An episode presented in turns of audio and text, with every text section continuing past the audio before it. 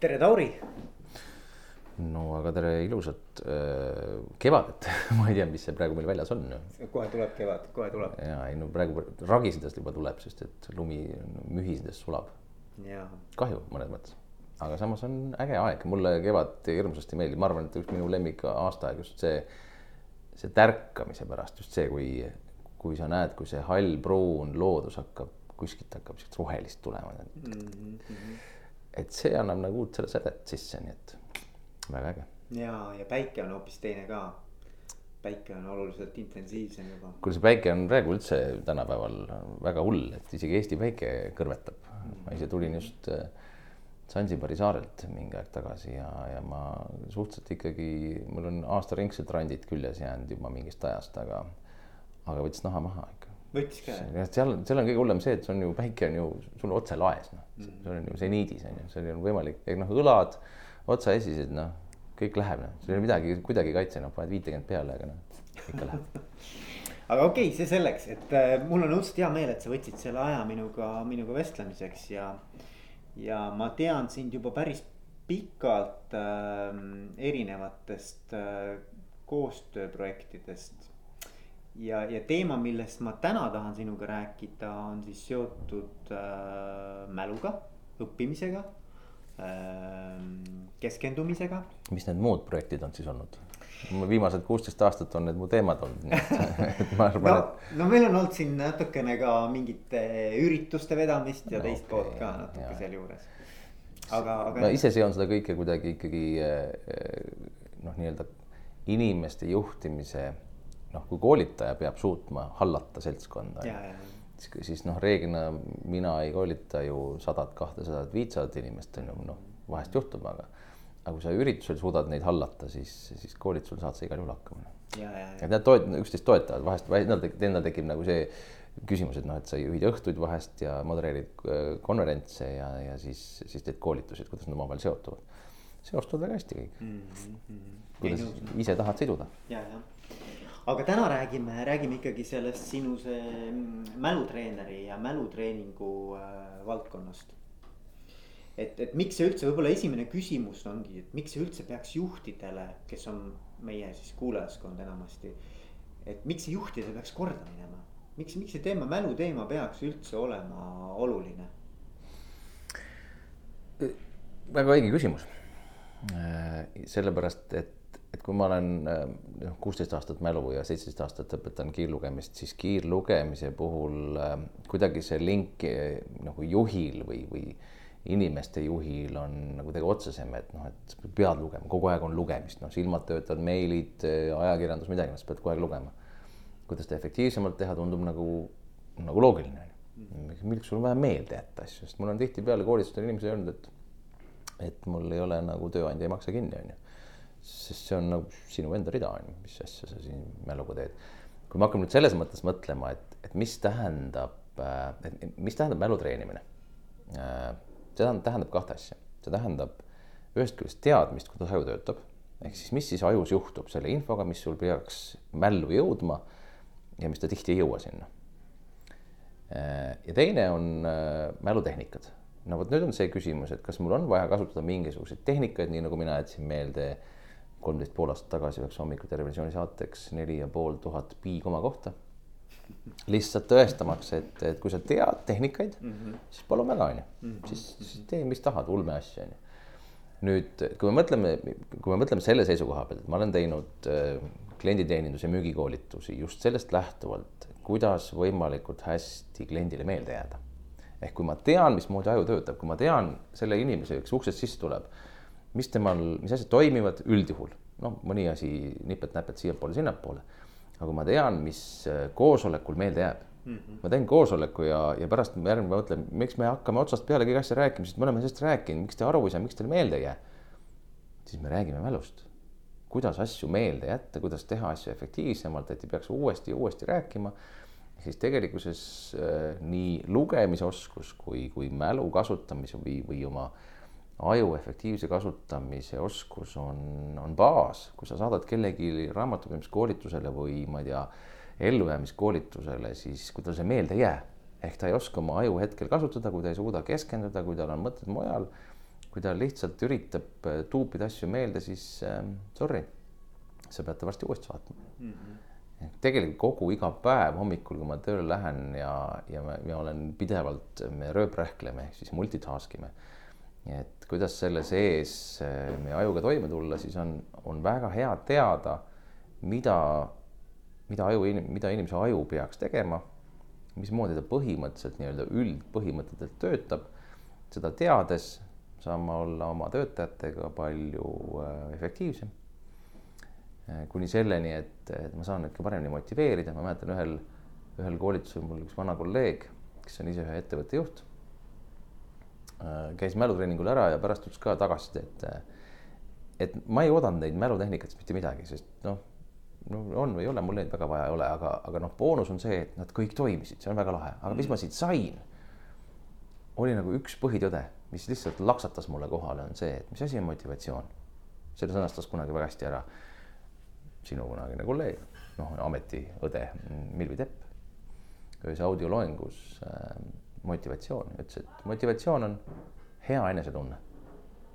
ja tuttav ütles, et et mis minu kui juhi ülesanne on, motiveerida inimesi, ehk teisisõnu tekitada neis head enesetunnet. kui nad tunnevad ennast töö juures hästi, siis nad on motiveeritud tööd paremini tegema. Neil kuskilt segab, kuskilt häirib, nad tunnevad, neid pressitakse, neid pingutatakse, siis ta ei ole motivatsioon, ta teeb pigem isegi vahest jonniga ja vihaga mm. -hmm.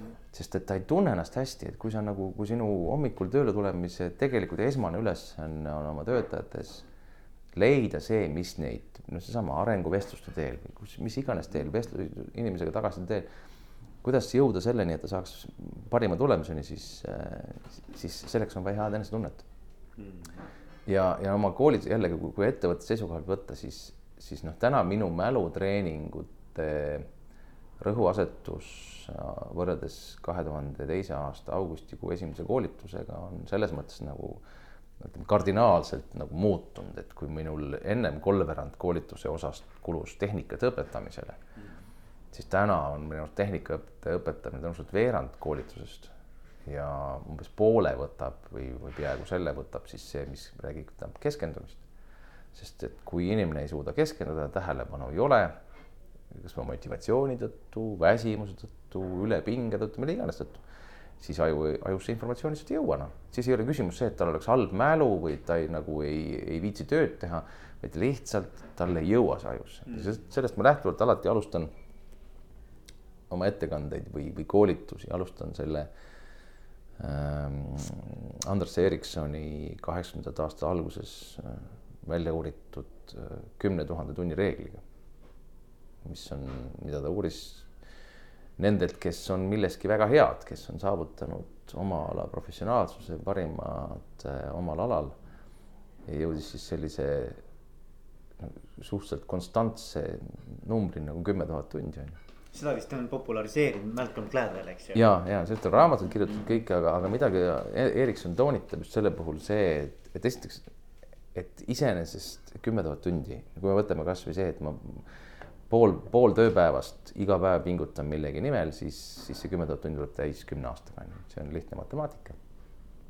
aga mida nagu Erikson toonitab, on, et lihtsalt asja mehaaniline tegemine, tööl käimine, raamatupidamises lausendite sisse, sisseviimine, kliendi teenindamine, kui sa teed seda mehaaniliselt ehk rutiinist ja ilma sellele pingutamata või sellele keskendumata, siis, siis sa ei saa tulemust, ehk siis sa pead kogu aeg püüdma sooritust parandada kui sa käid trennis, kui sa käid jooksmas ja kunagi jooksu peale mõtle, et kuidas sa jookstes võiksid nagu efektiivsem olla või näiteks suusatades. ma olen siin aastaid juba ma ei tea, kui kaua ma olen sellist eh, aktiivsemat suusatamist teinud. ja alles sel hooajal ma sain nagu kaks-kolm kasulikku nippi, millele ma nüüd iga kord suusatades mõtlen ja keskendun ja vaatan, ma kulutan palju vähem aega, vähem, vähem energiat. ma liigun palju paremini edasi mm. -hmm. ehk sa pead kogu aeg sooritust parandama, ehk siis see, mida Andres Erikson toonitabki tegelikkuses selleks, et saaks väga head töötajad, saaks endale parimatest parimad äh, inimesed tööle, siis äh, punkt üks, nad peavad keskenduma sellele, mis nad sooritust, mida nad teevad ja siin me peame leppima. mitte keegi ei ole suuteline kaheksa tundi keskenduma, mitte keegi ei ole suuteline isegi pool oma tööajast keskenduma, sest aju, vaeseke on oma mahult kõigest kaks protsenti meie kehamassist, aga oma energiakulust umbes kakskümmend protsenti seda et lihtsalt me ei jaksa teda kogu aeg töös hoida, lihtsalt ei ole füüsiliselt võtta seda energiat kuskilt noh mm -hmm. ja kui inimene on veel ülekoormatud ka ja magamata, no sorry, no tal, tal ei ole kuskilt võtta, ta ongi nagu, nagu see sidrun seal istub seal ja, ja kusjuures, mis puudutab kõik, mis, mis, mis ajus toimub, siis, siis kui sa näed inimest füüsiliselt heas vormis, siis sa saad aru, et ta on trenni teinud, ta on näinud vaeva. ma olen Argo Ader tuleb mul vastu vaatama oh,. sa, seda, sa ei sünni sellisena, sa pead nagu pingutama see, kas inimene on oma vaimse võimekusega hea või mitte, sa mitte kunagi ei näe. sa vaatad silma, mõtled, tundub, oh, päris terane poiss on ju. ja kui hakkab rääkima, saad aru, et issand, mis siit tuleb. et noh, ta pole koolis käinud, sa pole, kas sa pole harinud, ega haritust ja harimatust on tegelikult väga hästi ära tunda yeah. inimesega rääkides. järelikult ta pole seda treeninud. ehk siis jällegi, kui me räägime selleks, seesamast kümnest tuhande tunni reeglist siis, siis punkt üks on keskendumine ja punkt kaks, ilma milleta sa ei saa sooritust parandada, on tagasiside kuidas mul läheb, kas ma teen, kas ma liigun õiges suunas või kas, kas see on üldse see, mida sa, mis sa ootasid mult? arenguvestlused on esiteks ka kahepoolne vestlus on ju, et annad ka ülemusele teada, kas ta on juhina, annab mulle kõik piisavalt juhiseid ja kas mul on nagu tema all lihtne töötada, sest noh, personalipraktikast ju tead ise, et üks valdavaid põhjuseid, miks inimesed töölt ära lähevad, on ju ülemus, otsene ülemus mm. Kelle pärast sa siis lähed, sellepärast et ma ei saanud piisavalt juhendatud, ma ei saanud, ma ei saanud temaga nagu koos töötada, see ei olnud see. ehk siis eh, see tagasiside, kuidas mul läheb, kas ma lähen, kas ma suunas, suunas, õiges suunas liigun. ja kui nüüd rääkida veel sellest keskendumisest, sellest samast tagasisidest. kas sa tead, mis on inimese ajus üks kõige häirivamaid segajaid, mis ei lase mul see on meie sisemine segaja, sisemine häirija, jätame, jätame müra ja valguse ja temperatuurid kõik kõrvale. mis on meie sees, milline segaja, milline nii-öelda, mis on, mis on see ärritaja, mis ei lase inimesel hakkama saada, keskenduda ja kohal olla mm? -hmm. ma arvan, et see on seotud äh, selliste automaatsete mõtetega. kuidagi nagu sul nagu see mõttelõng läheb lihtsalt kuhugi kõrvalrajale paratamatult kogu aeg. okei okay,, aga just see, et mis, mis mõttelõng sul viib selle, et mis asi, milline, milline ärritaja see on, mis inimesel, et ehk inimesel on mure, ootus, valu äh,. Need, kui laps on haige, viin lapse lasteaeda või ta kergelt niisugune köhane, mõtlen kogu aeg pool päeva, kas ta ikka on terve mm. -hmm. et tegelikult ma ei suuda, ehk siis mis selle, mis nende samade ärritajate taga kõige suuremaks on, on teadmatus. okei okay.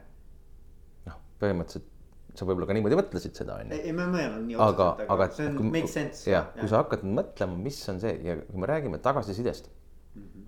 ja kui ma seda ei saa mm, -hmm. esiteks selleks, et saada parimaks, ma pean saama teada, kus mul läheb mm. -hmm. ja kui ma seda ei saa, ehk minu peas valitseb teadmatus, mis ma seda teen, kelle jaoks ma teen neid aruandeid, no keegi ei ütle, kas ta tegi või oli seda vaja või mitte või tegin esitluse ära, tegin, keegi ei tule ütlema, ükski juht ei ütle mulle, kuule, te olete väga super.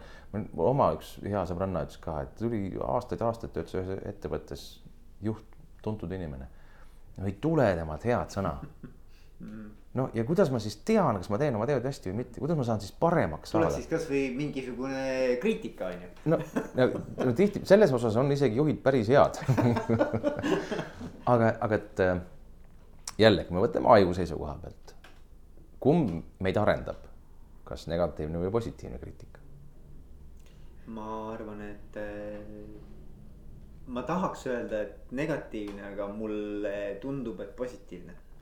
sest et, et me tahaksime olla ju positiivsed inimesed, on ju, aga noh, vaata aju ülesehitus jälle on hea teada, kus aju töötab äh,. aju õpib ainult negatiivsest. õpib ka või? jah, aga õppimise protsess, õppimise nii-öelda anatoomia on see, et kui ta sellest negatiivsest leiab midagi, siis see peab olema positiivne.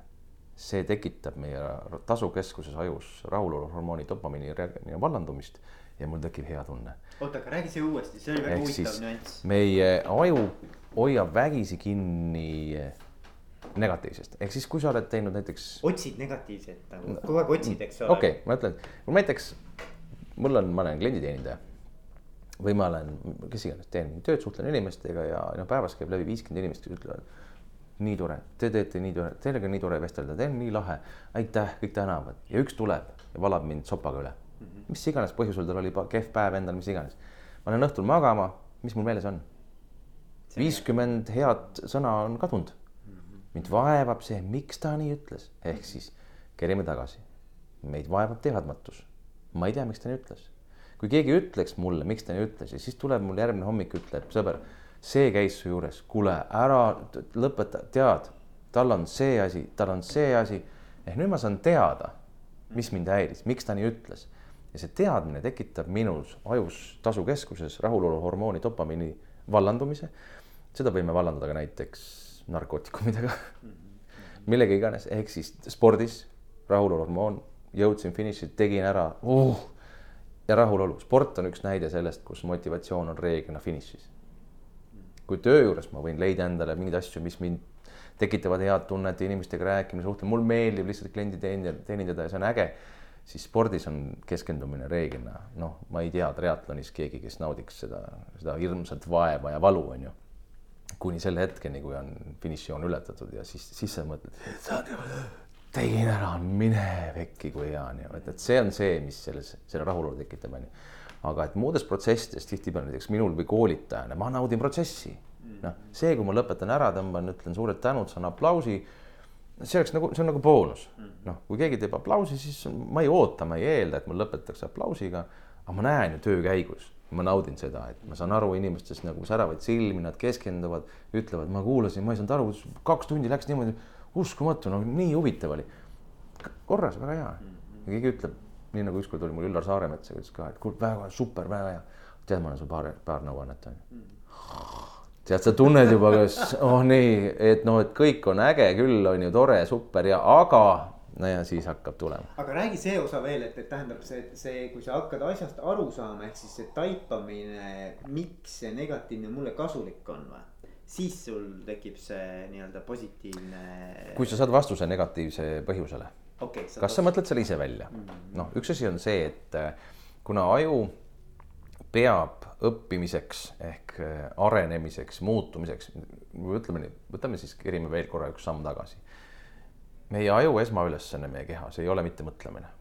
meie aju esmaülesanne, nii nagu loomariigis kõikidel on elus püsimine, elus hoidmine, ehk siis see on ka põhjus, miks aju alati negatiivsest õpib mm, -hmm. sest see võimaldab mul võimalikku ohtu märgata ja seda tulevikus siis eirata või selleks midagi ette võtta, et nii ei juhtuks rohkem.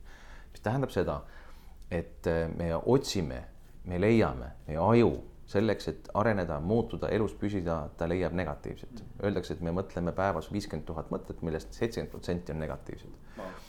mul oli selle peale just oli hiljuti üks koolitus, milles üks, üks naisterahvas ütles kohe, ei ole. see oli negatiivne mõte praegu on ju. et me oli ja siis hakkas naerma, et nojah, me tegelikult, et me siis see negatiivne ei tähenda seda, et me oleme kõik õudsed pessimistid ja meile miski asi ei meeldi, vaid me lihtsalt püüame sellest halvast või millestki näha, et mis, mis meid õpetaks, mis meid arendaks, mis meid muudaks, on ju. aga muutus toimub läbi positiivse reaktsiooni ajus.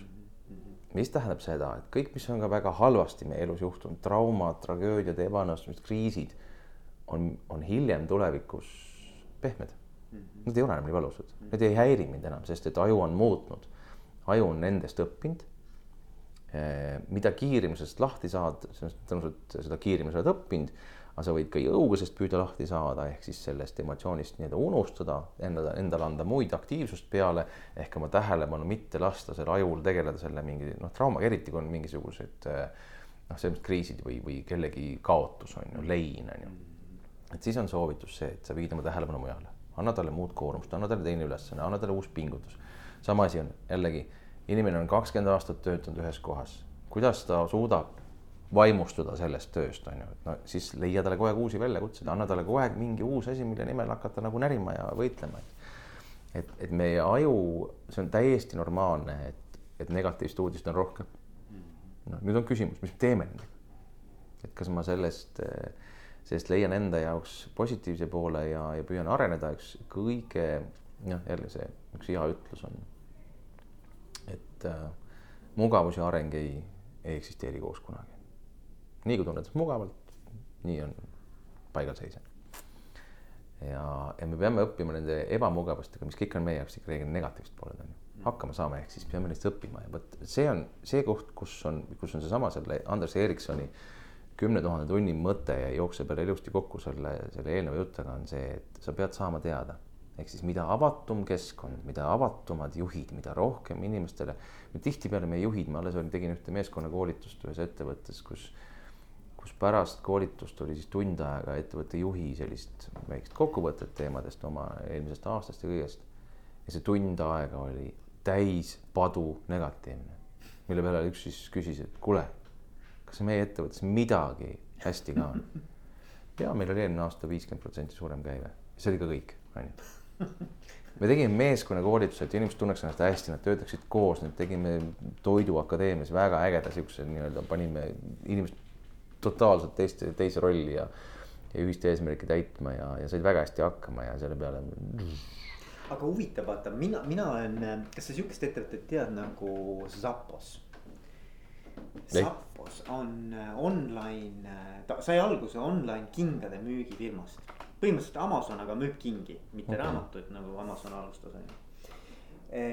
Ja nende kogu selline sisemine kultuur on üles ehitatud sellele, et näiteks koosolekutel räägitakse ainult sellest, mis ma olen nagu positiivselt suutnud ära teha mm. -hmm. ehk et keskendutakse hästi nagu sellisele Ehm, noh, nagu edule, edulugudele, võitudele. ja, ja kuidagi nagu hoida nagu pigem sellist nagu positiivset ja, ja edasiviivat nagu jõudu, mitte nagu keskenduda sellele, et mis meil kõik nagu tegemata või halvasti on. Ma ei tea, kuidas see nüüd sellega kokku läheb, vaata. no vaata, kui inimene noh, mis on mis on selle, kui me võtame selle protsessi nagu juppideks, kui inimene valmistab ette ennast eh, järgmiseks selliseks koosolekuks, kus ta peab andma oma parimatest kogemustest ja, ja õpetustest, sest et see parim võib tulla ka tema peas läbi mingi negatiivse juhtumi mm.. ehk nüüd ta hakkab analüüsima, nüüd ta paneb enda jaoks laua peale vasak, need halvad asjad ja, ja head asjad, mis juhtusid, on ju. Ja, ja ma mäletan kunagi ma ise täitsin äh, kaks aastat sellist raamatut, siis ma rohkem enam ei leidnud, üks tühi raamat oli põhimõtteliselt, kus olid kuupäevad, kus sa pidid iga õhtust kirjutama viis asja, mis olid äh, head asja mm. -hmm. ehk sa õpiksid rohkem nagu head nägema. nagu tänulikkust ka. just ja just tänulikkus on ju, ja, ja ma avastasin seda, kui ma mingi, mingi päev oli täitsa pekkis. mingi sain liiklustrahvi ja ma ei tea, kõik jooksid.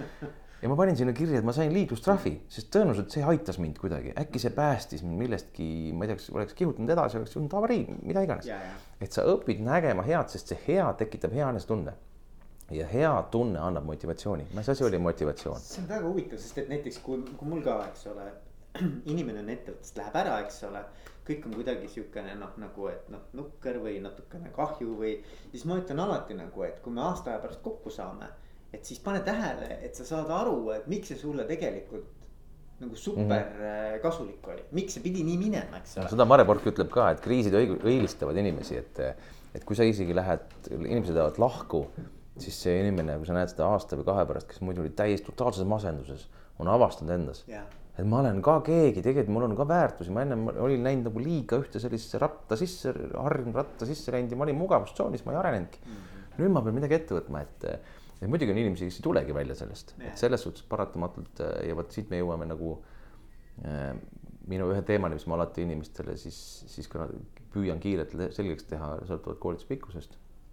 on see, et kus meie need, meie hädad alguse saavad, et kuidas keegi mõtleb, on ju, mõni leiab negatiivsest kohe midagi positiivset ja on nägu naerul ja happy ja tore, et midagi, midagi halba leidsin, on ju. mõni langeb sellest sellisesse depressiooni või stressi, et ei suuda sellest üldse välja tulla. Et kõik tegelikkuses on pärit väga, väga, väga varasest lapsepõlvest. enamus meie komplekse ehk alateadlikud komplekse, komplekse on, on kujunenud välja esimese nelja-viie eluaasta jooksul. me ei mäleta neid, meie aju, meie pikaajaline mälu ei ole veel selleks ajaks välja arenenud mis paratamatult on ka see koht, kus me mõned ütlevad, aga ma mäletan täpselt, me tegime siin Vikerraadio saadet ja, ja lasime ka inimestel helistada siis mäluteemadele ja, ja üks mees ütles ka, et aga ma mäletan täpselt, kui ma kolmeaastaseid asju, kui ma kirjeldasin ja, ja ma kirjutan neid praegu ülesse ja mu õed, kes on must vanemad, imestavad, kuidas ma mäletan, sest nemadki ei mäleta. kui nemadki ei mäleta, kas sa siis mäletad üldse õigesti või oled sa selle välja mõelnud? Et see on see koht, kus mitte keegi ei saa öelda, et see on õige või vale sest äh, Harvard meditsiinikooli kahe tuhande viieteistkümnenda aasta üheks, üks lahe uuring, improving memory ehk siis mälu parandada, ütleb ka, et your mind fools you, sul aju lollitab su kogu aeg. Ehk siis Erik Händel, Nobeli preemia laureaat, tõestas ära katsetega selle, et iga kord, kui me meenutame midagi, me muudame seda mälestust. Okay.. küsimus ei ole, kas me muudame, vaid küsimus on, kui palju me muudame ja mul alles oli politseinikele, mul on alles oli ühe advokaadiga teema, kus me rääkisime sellest, et, et noh, me räägime teisest te, tegelikult täiesti äärmuslikust nagu näitest, et tavaelus me isegi ei tunne seda, võib-olla seda, seda, seda muutuse protsessi tugevalt, aga aga kui me mõistame kellegi süüdi mm, -hmm. siis, siis on näidanud katsed, et seitsekümmend viis protsenti nendest süüalustest, kes on ennast süüdi nii-öelda tunnistanud, on hiljem DNA järgi tunnistatud õigeks mm.. et nad on süü omaks võtnud, sest nad üks hetk enam ei tea ja ma alles sõitsin mööda Pirita teed, vaatasin, Siim, kus su mälu on mm.? no mingi kamp, mingi plakat on ju mm. -hmm.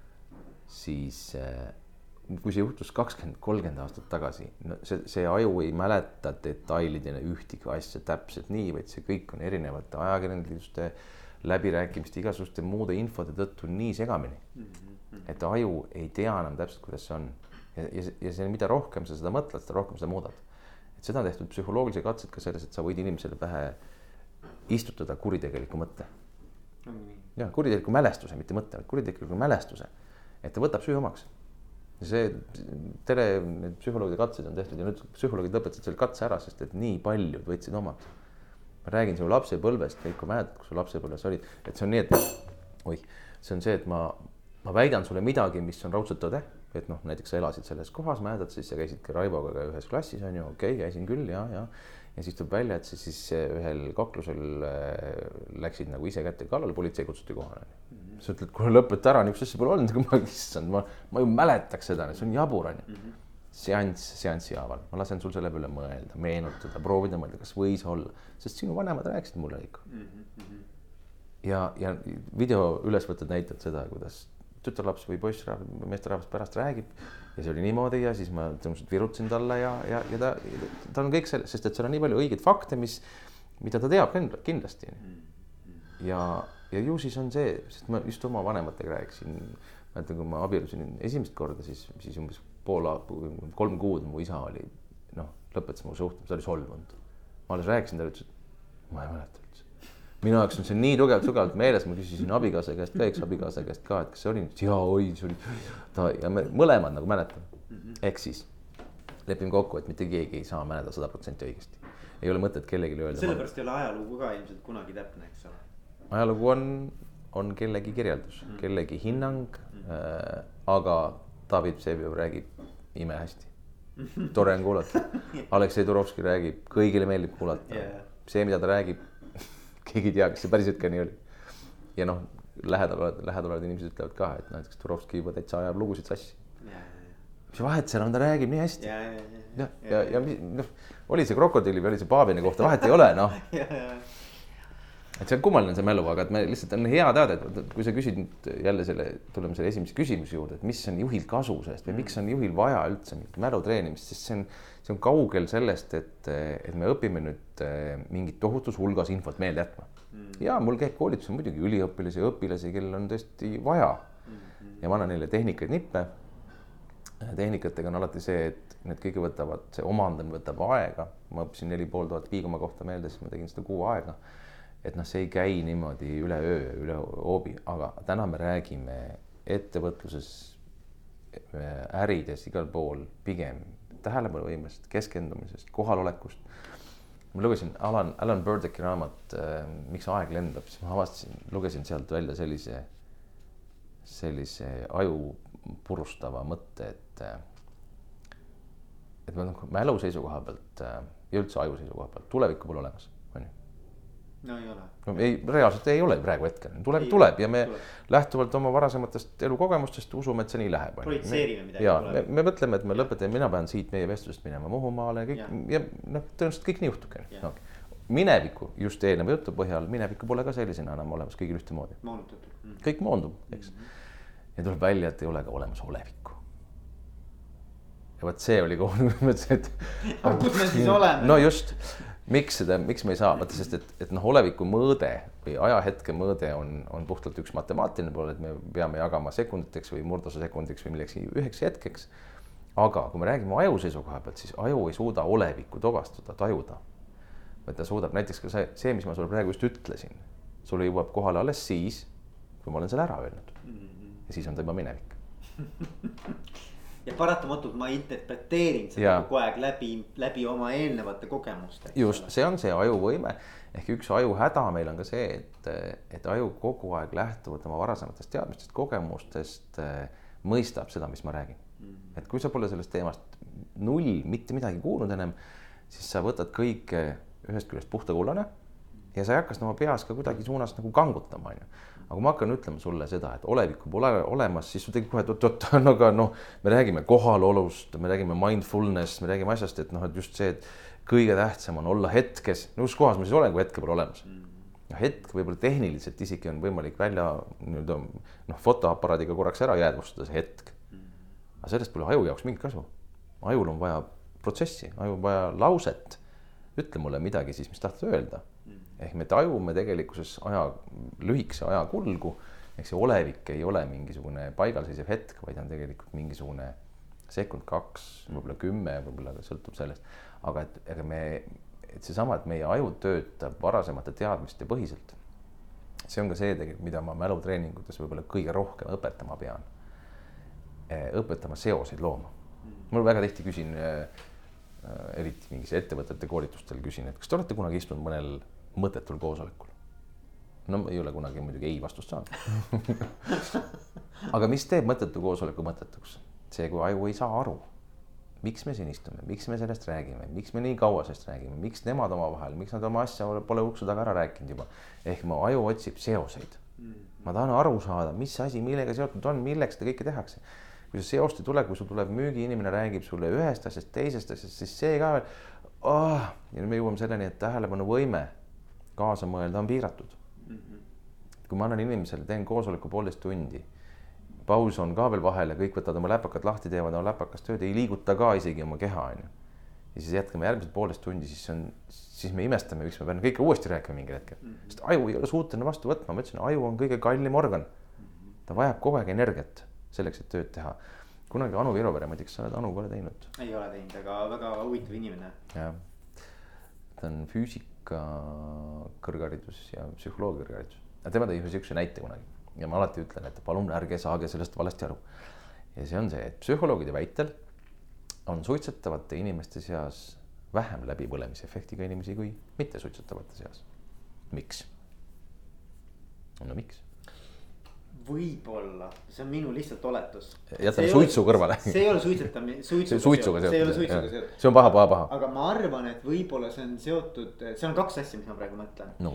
esimene on see, et ma tegin kunagi arvestuse, palju tööandjal läheb äh, raha selle peale, et inimesed käivad suitsupausidel et noh, nad kasutavad oma tööajast vaata mm -hmm. nagu päris suure hulga aja, et käia suitsupausil. ma arvan, et pausid on nagu väga head selleks, et taastuda mm. -hmm. üks on see minu mõte ja teine mõte on see, et sa oled seal teistega koos, ehk et sul on võimalik nagu. sotsiaalne pool. sotsiaalne pool, et sul on võimalik download ida oma need nii-öelda kõikvõimalikud stressorid, eks ole. no mõlemad on seotud selle aja mahavõtmisega. jah, aja mahavõtmisega jah. et sa lähed, üks asi, sa võid üksi seal nii-öelda ennast maha rahustada, oma pinged välja lasta sa võid kellegagi arutada, öelda, et kuule, mul täitsa jama, issand, kujutad, mis ta ütles ja siis ütleb, aa ja tekib sotsiaalne vestlus on ju. ehk siis me kõik, kõik mitte, mitte me, nemad, suitsetajad, kõik eh, lasevad oma ajul vahepeal tühikäiku mm. -hmm. Nad taastuvad. üks ainukene jälle aju seisukoha pealt lähtuvalt, ainukene aeg, millal aju suudab salvestada pikaajalisse mällu, on pausi aeg. kui keegi kuulab praegu näiteks meie vestlust podcast'is on ju siis ta kas ise vahepeal peab pausi ja ei kuula, mis me räägime ja jääb mõtlema mingi asja peale sügavamalt ehk meenutamaks, et see jääks talle paremini meelde ja see vahepealne lõik lihtsalt kaob ära, on ju. või siis peaks tegema lihtsalt korraks paus, paneme kinni, mõtlema, oot, mis asja nad rääkisid, kuule, mis, mis lause see nüüd, kuidas see nüüd siis oli päriselt ka, oota, ma meenutan. ehk inimene ei saa sellel ajal, kui ta infot vastu võtab, seda salvestada aju ei saa kahte asja, rööprähklemine on võimatu selles mõttes, et ma ei saa lugemise puhul. just kirjutasin väikse artikli ka ja, ja, ja ma alati pean seda ütlema kaks või vähemalt kolm korda. lugemise ajal ei tohi mõelda selle peale, mida sa just lugesid. tekib nagu see küsimus, oot-oot-oot, mis ma siis üldse loen, kui ma ei mõtle, mida ma lugesin. kordan üle, lugemise ajal ei tohi mõelda selle peale, mis sa just lugesid sest kui sa lugemise ajal seda teed, siis sa seda ei saa aru, mida sa loed. Kui sa mõtled, mis eelmise lehekülje peal oli. sa pead tegema pause, efektiivne lugemine, efektiivne koosolek ja efektiivne ajutöö on pausidega.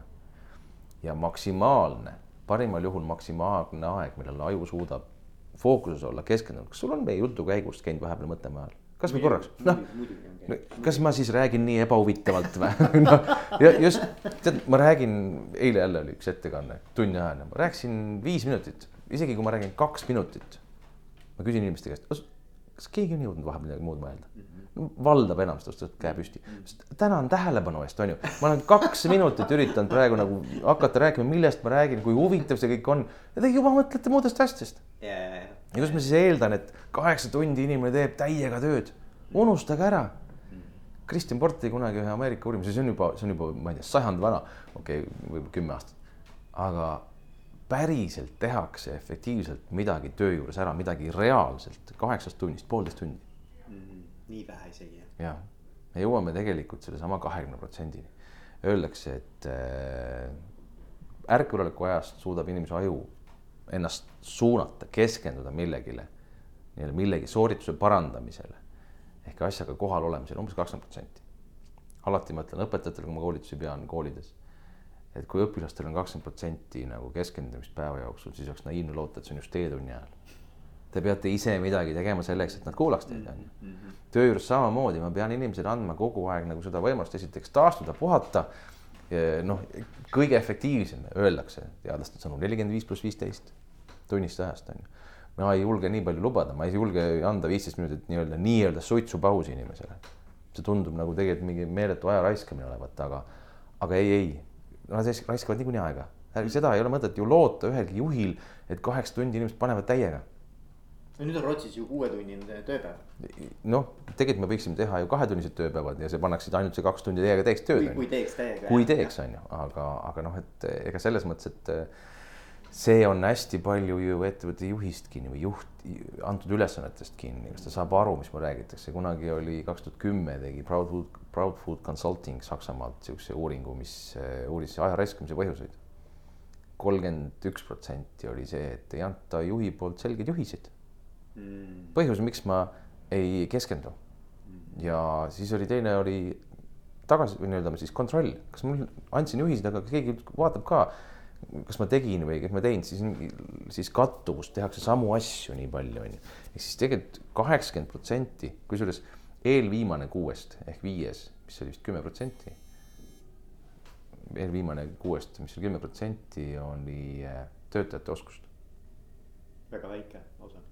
noh, see, et sa ei saa hakkama või sul ei ole oskusi või sa ei tee, ehk siis tegelikult juhid, siin tuleb, siin mul jookseb kohe alati pähe see Steve Jobsi nagu geniaalne lause, et ähm, et see, see ei ole, not make sense, noh, see ei, see ei ole loogiline, et me võtame tööle oma ala parimaid või noh, nii-öelda CV järgi väga häid töötajaid mm -hmm. ja ütleme neile, mida nad peavad tegema mm. -hmm. meie võtame tööle oma ala parimaid ja nemad ütlevad meile mm, -hmm. kuidas peab tegema mm. -hmm. ja väga tihti on see, ma vaatan, teen mingisuguse personaliotsingu, panin välja, noh, parimatest parimad, noh mm -hmm., sealt tuli ikka super, väga päris ägedad tegelased siis ma ütlen, et nüüd hakkate tegema nii.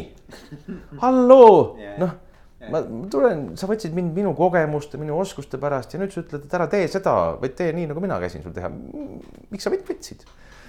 noh, täna tööturul ega väga ei julgeta nii öelda, on ju, aga, aga mingis kohas, eks mingil tasemel, mingisugusel enesekindluse tasemel ka öeldakse, nii et ehk siis me räägime ikkagi jällegi, ma alati jooksen tagasi selle Anders Eriksoni kümne tuhande tunni juurde, et äh, selleks on vaja keskenduda ja selleks on vaja tagasisidet. sportlaste puhul pidevalt, noh, miks on a la Usain Boltil vaja treenerit või noh, oli vaja, on ju.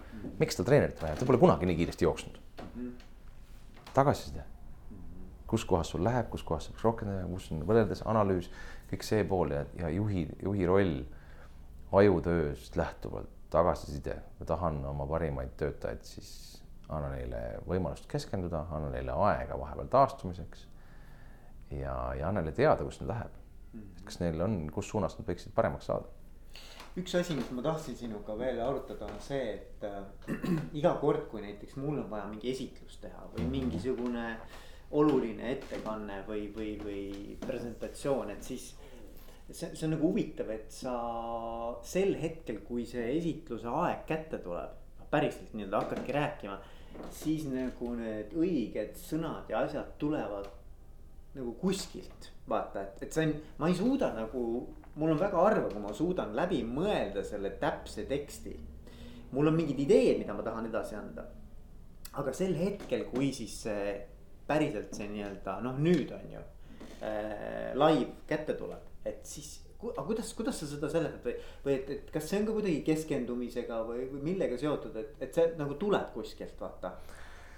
noh, nüüd on üks küsimus jälle see, et kas see on kogu aeg tulnud see on alati, kui sa oled esitlusi teinud esimesest korrast peale alates on see niimoodi mul, läinud? mul on või... eeltöö on ikkagi väga nagu, aga ma ütlengi, et see ei ole nagu mitte see, et sa kirjutad selle täpselt mm, välja yeah.. vaid et eeltöö selles mõttes, et ta kuskil kuklas mul nagu kogu aeg nagu küpseb, vaata. noh, küsimus ongi see, et, et kas sa oled nagu selle eeltöö tulemusena oma, oma nii-öelda pagasi sellise loonud mm., et kui sa nüüd ennast noh, ehk siis mis, miks on, miks on meil vaja seda ärevustunnet enne esinemist noh, selleks, et aju jällegi hakkaks tootma adrenaliini ja suudaksin sellega toime tulla, vot nüüd on see koht, kus, kus tulevad sisse inimese hirmud, mis on ühed, ühed aju mõtlemise segajad, mis on selle ellujäämiseks hädavajalikud. Need emotsioonid on hädavajalikud, et ma suudaksin elus püsida. ja vot nüüd jällegi minu varasematest kogemustest lähtuvalt, et võib-olla mingis varasemas lapsepõlves, ma ei tea, kas sa oled esinenud lapse, lapsena kuskil lasteaias või koolis või oled sa etteastumisi ja etteasteid teinud varemgi, oled sa kuskil näidelnud, laulnud, nii-öelda midagi pulli teinud publiku ees, mis on andnud sulle selle kogemuse, on ju mm. mina olen, äh, mina ei peljanud, ma kartsin küll natuke, nagu me esimest korda pakuti, et tule hakka koolitajaks, on ju. Äh, nii kui pärast ülikooli ja et hakka raamatupidamist koolitama, sest ma õpetasin raamatupidaja eriala. ja mul oli kohe esimene, et ma isegi seda esinemist ei karda, ma kardan neid küsimusi no ma ei tea, kas, kas, kui keegi küsib, aga ja, kuidas sellega on ja siis, siis ma olen, tõmbab kogu vee peale. ma sain suhteliselt kiiresti, see on selle ettevalmistuse töö on ju. Mm. sa pead ette valmistama ja mis ma suhteliselt kiiresti avastasin, et, et justkui inimene küsis keegi mu käest, aga kuidas sellega on, kuidas see number sinna tuli, on ju.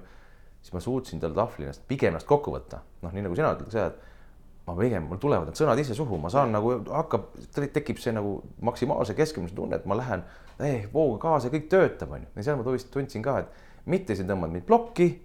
ma ütlesin, et issand, nüüd küsiti ja ma ei oska midagi appi, teate, ma pean nüüd ära, mul hakkas pissi häda, ma pean ära minema, et ma pean midagi, midagi mõtlema, midagi välja, onju, ei. ma vaatasin tahvlile, vaatasin inimese otsa, mõtlen, mis ta küsis, hakkasin kõva häälega rääkima ja ise avastad ja pärast mõtled tead, ma, ma, ma ei oleks kunagi omaette välja mõelnud selle vastuse, aga seal ma suutsin selle välja mõelda. selle taga tõenäoliselt on see, et ma olin äh, lapsena käinud esinemas. Ma olin üksi pidanud laulma kuskil, ma olin mingi, ma ei tea, mingisugune, mingeid kõnesid pidasin, pidin pidama oma kooli ees. siis mul oli juba noh, nii nagu öeldakse ka, et kui Mozarti peeti geenia-, geniaalseks inimeseks või geeniuseks, siis ta tegelikult kolmeaastaseni sai oma despoot isa käest nagu karmi treeningu ja tema oli kaheksa-aastaselt juba tõenäoliselt oma kümme tuhat tundi täis treeninud. Norra suusatajad on nagu kümme tuhat tundi juba viieteistaastasena täis suusatatud ja seepärast on nad nii paganama head, on ju. ehk siis kuskilt on su ajusse need mustrid loodud, et kui sul nüüd pannakse sihuke pinge, millega sa oled varem kokku puutunud, sa tuled toime. sa paned teise, kes on ka kõvasti ette valmistanud, aga pole kunagi inimeste eest ees käinud ja paned samas situatsiooni, ta jookseb täitsa kinni. sest tal puudub ajus varem see mälestus, mis aitaks tal nüüd ennast kokku võtta, sest esmalt jällegi meie elu eesmärk, aju esma, aju esmaülesanne on hoida meid elus. kui ma lähen inimeste ette, siis ma pean püsima elus mm. -hmm. ja nüüd ma võtan ennast kokku ja kuna ajul on kuskilt võtta neid mälestusi. mingid seosed, asjad tekivad kohe, seda me ei tea, kust ja, ja see aju teeb seda ilma, ilma meie teadmata mm, -hmm. sest see on tema nagu põhitöö. nüüd noh, ütleme, räägime mälutehnikatest, on see, et ega siis äh, kõiki neid tehnikaid, siis tuleb nagu teadlikult suunata, hakata aju panema mingeid asju tegema, noh. nii hakkad seoseid looma ja teadlikult, aga, aga ilma selleta töötab see meil kõigil alateadlikult. et, et, et need üks seletus, ma arvan, et, et ma võib-olla tõin, tõin sulle lihtsalt seletusena ühe võimaliku variandi, mis võib olla nii, võib-olla naa, on ju, me ei tea, aga et lähtuvalt sellest minu enda ajuloost, mida ma olen äh, kuusteist aastat nii-öelda õppinud ja ma, mina ise ju ei tee teadust, ei tee uuringuid, mina mina olen postpraktik. ma ise katsetan ette peale, et ma, ma annan sulle seletusi, inimesed küsivad mu käest, mul on käinud ka inimesi, kes on, kes on tõesti probleemiga selles mõttes, et nad on koomas olnud või neil on ajul mingid kahjustused, et siis kuidas siis aidata, aga. aga see on see koht jälle, kus ma noh, võin proovida katsetada nii ja naa ja kolmas mood, aga noh, ma ei, ma ei ole, ma ei julge seda vastutust endale võtta, et, et me teeme nüüd nii ja teeme naa. Aga, aga jah, et, et äh, kui, kui jälle küsida, et miks mingis olukorras meie aju saab niimoodi hakkama või tuleb mingi, no isegi ma kunagi lugesin mingit kindlustuse äh, sellist inimtüüpide analüüsi et, et viisteist protsenti inimestest on need, kes kriisisituatsioonis Äh, suudavad mõelda, suudavad teisi inimesi juhtima hakata, kui on häirekell, põleng, ütlevad kohe, hakkavad kohe nii, pange siit minema, jookske siit minema. Seitsekümmend protsenti ehk valdav massist on need, kes ootavad korraldusi mm.. kes ei tea, ma pole varem situatsioonis olnud, midagi, mis nüüd saab, keegi ütleb, ahah, selge, panen kohe, jooksen mm. -hmm. ehk on hästi lihtsalt juhendatavad mm. -hmm. no miks on ka meil juhte vähem ja, ja töötajaid rohkem, on ju. Mhm. enamus massist on need, kes, kes vaat-, ootavad juhendamist ja umbes viisteist protsenti siis on need, kes muutuvad apaatseks kellel mingil põhjusel varasema ajus on mingi selline muster, mis eh, ma ei tea, häirekella helisedes kõik plokk. Ma klammerdun seina külge kinni, ma olen tooli küljest kinni. ma ei tea, Estonia hukkumise puhul ka olid inimesed, kes siis hoidsid kramplikult mingist torust kinni ja ei, isegi ei üritanud ennast päästa mm.. ja ongi, sa muutud apaatseks, ehk siis noh, jällegi tuuletõrjede puhul, kindlustuse puhul sama asi, et, et inimestel mingi osa on noh on kodeeritud, nad jäävad sisse mm. ja on inimesi neid, kes on alati ka kõige raskemas situatsioonis valmis juhendama. Noh, muidugi jälle seesama kümme tuhat tundi, et kui sa oled äh, enese või ütleme siis eneseabi või, või enesekaitse või mingisuguseid asju või kunstliku hingamise asju harjutanud, treeninud ja treeninud ja treeninud näiteks stjuardessina, siis sa kriisisituatsioonis oskad seda teha, eks. nagu ma ükskord rääkisin ühe, ühe kiirabi medõega, sõitsime Võrust Tallinnasse, terve tee rääkisime millest, surmast. Mm. Ja ütles ka, et kui tema läheb mingisse sellisesse õudsasse situatsiooni, noh, kus on, ma ei tea, kellelgi jalg ripub naha küljes ja noh, mis on, võigas, siis esimene on ajuloomulik käitumine, see tekitab võigas emotsioon, sul on õudne ja siis autopiloodi peal, siis need süst, see kõik, klamber, kõik käivad, enam ei mõtle, töötad lihtsalt, paned. aga tänu sellele, et seda nii palju varem teinud ma lähen situatsiooni, mul ongi õudne ja ma ei tea, mida teha. absoluutselt jah. no aga see on see, et mingil hetkel, kui sa oled esinemas käinud, siis, siis noh, väga raske. sa oled esinenud, esined tõenäoliselt palju, mina esinen. mul on ikka situatsioone, kus ma lähen, mul tuleb närv sisse.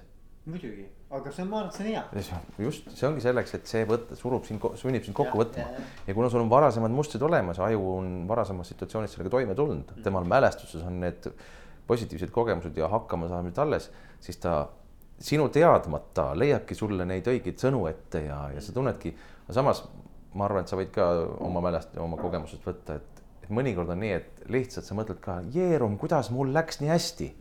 kuidas see nagu no inimesed kohe haars- ja teinekord sa kangutad ja kangutad ja no, no, kellele ma räägin, õudne, kuidas ei tule, seisavad täitsa tuimad näod ehk siis tegelikult see on ju, see on dialoog, nii nagu ma ütlen, lugemine on dialoog. Me loeme tegelikult mõnes mõttes tundmatu inimesega, ma loen tema teksti, kuidas tema on selle kirja pannud ja nüüd ma saan, saan aru või ei saa aru, onju. Mhm. nii on esinemine samamoodi, et, et kui sul publik on äh, meeldiv, aktiivne, elavad kaasa, küsivad, palju lihtsam mm. -hmm. nii kui sa näed, et siuksed näod ja kusjuures jällegi see koht on, mis selle elu on õpetanud seda, et see, kui teisel on või kui sul on ka mingi kümnest inimesest üks on niisugune kulmkortsus ja, ja niisugune käed risti rinna peal, siis, siis see ei tähenda, et ta on vastumeelne, ta ei taha, ta on kriitiline. väga tihti juhtub, seesama inimene tuleb pärast, ütleb, väga tore loeng oli, suured tänud teile. ise mõtled pool loengut, et mis nüüd valesti on, mida ma peaks tegema. et see kehakeel ei pruugi alati minna kokku sellega, mis siis inimene päriselt mõtleb nii on, üks enam levinud valesti mõistetud kehakeele märke on siis käed risti rinna peal mm.. noh, mis automaatselt stereotüüpselt ütleb meile, et inimene ei taha, ta on sulgenud, ta on kinni tõmmanud. Ta ei ole nõus. Thorsten Havener, ka üks Norra kehakeele ekspert ütleb ka, et see on enim, enim levinud valesti mõistetud kehaasend. üldjuhul on see lihtsalt mugavasend mm.. aga kuna see on inimese jaoks stereotüüpne nagu signaal siis näiteks kui klienditeenindaja poes seisab käed risti rinna peal, väga lahkelt tema juurde ei lähe nagu ja, küsima midagi, sest see tundub, kuigi tegelikult ta lihtsalt on käed väsinud ja ta on, toetab ja tal on lihtsalt mugav seista, ta ei, ta hea meelega tahaks sinuga rääkida. aga see signaal on see, mis mu ajus on jälle kohe selline mm. -hmm. et see on, see on see enesekaitse reaktsioon, et kõik meie hädad hakkavad sellest pihta, et meie aju on kaitsereaktsioonis, ta püüab sind kogu aeg säästa ja elus hoida. ja alles siis hakkab mõtlema, nii et ja sinna vahele lähevad veel emotsioonid, nii et emotsioonid on meie meeletud blokeerijad. Kui sa siis tead, mis on inim-, sa tead, mis on inimese suurim hirm, see on, see on üks meie aju segaja, eks, mis ei lase meil mõelda.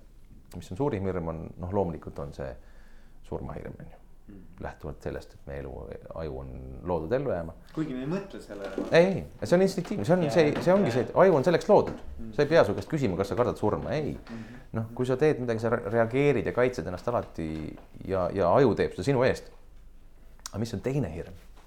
Aga kas see ei ole see avalik esimene? no just, jah mm, -hmm. väga lähedal surmahirmule mm. -hmm. selle peale on niisugune üks must huumor, et sest selle tõttu ei ole ka soovitav oma matustel kõne pidada avaliku esinemise hirm ja surmahirm, nii et. kuule, aga Tauri, viimane asi. kui see on viimane kas on midagi, mida me ei ole puudutanud? Või see võib olla ka midagi, mida me oleme puudutanud, aga sa tahaksid nagu veel rõhutada, et, et mis on see, millega sa tahaksid inimesed äh, jätta nagu, mis sõnumiga sa tahaksid jätta äh, mõtisklema? ma arvan, et see tegelikult seesama, mis sa ise ka välja tõid korra selle aju toimemehhanismi negatiivsest õppimise põhjal mm. -hmm. et see ei jääks sellise alatoonina, et, et me ei, ja meie aju vajab õppimiseks negatiivset kogemust, et üldse õppida, sest kui on positiivne, siis ei, ei ole sellest midagi suurt õppida, siis ma tahaks, et ikkagi sellise no, lõpuks jääks ikka sellisesse õhku see, et et kui me tunneme ennast hästi siis on meil motivatsioon liikuda edasi, siis me tahame teha, ehk siis meie ajul. Eh, et kui õppimiseks ehk negatiiv, minevikust õppimiseks on vaja negatiivset, siis tulevikku liikumiseks on vaja positiivset.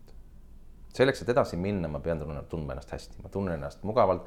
meil sinuga on siin meeldiv vestelda, kui sa oleks selline natuke kriitiline ja natuke kurgitseks, siis ma tunneks juba, et kuule, Veiko, ma ei, tegelikult ei taha väga sinuga rääkida yeah. praegu, aga ma ei ütle seda on ju just välja aga et, et ma, ma, ma tunnen pärast, et see ei olnud nagu kõige mõnusam, on ju, aga et äh, ikkagi see, see hea enesetunne, mulle see Milvi Tepi ütles nagu õudselt meeldib, ma täna kiitsin kunagi ükskord ka, ütlesin. et see, et kui sa niimoodi seda ütlesid, see pani minu jaoks asjad paika, et motivatsioon on hea enesetunne.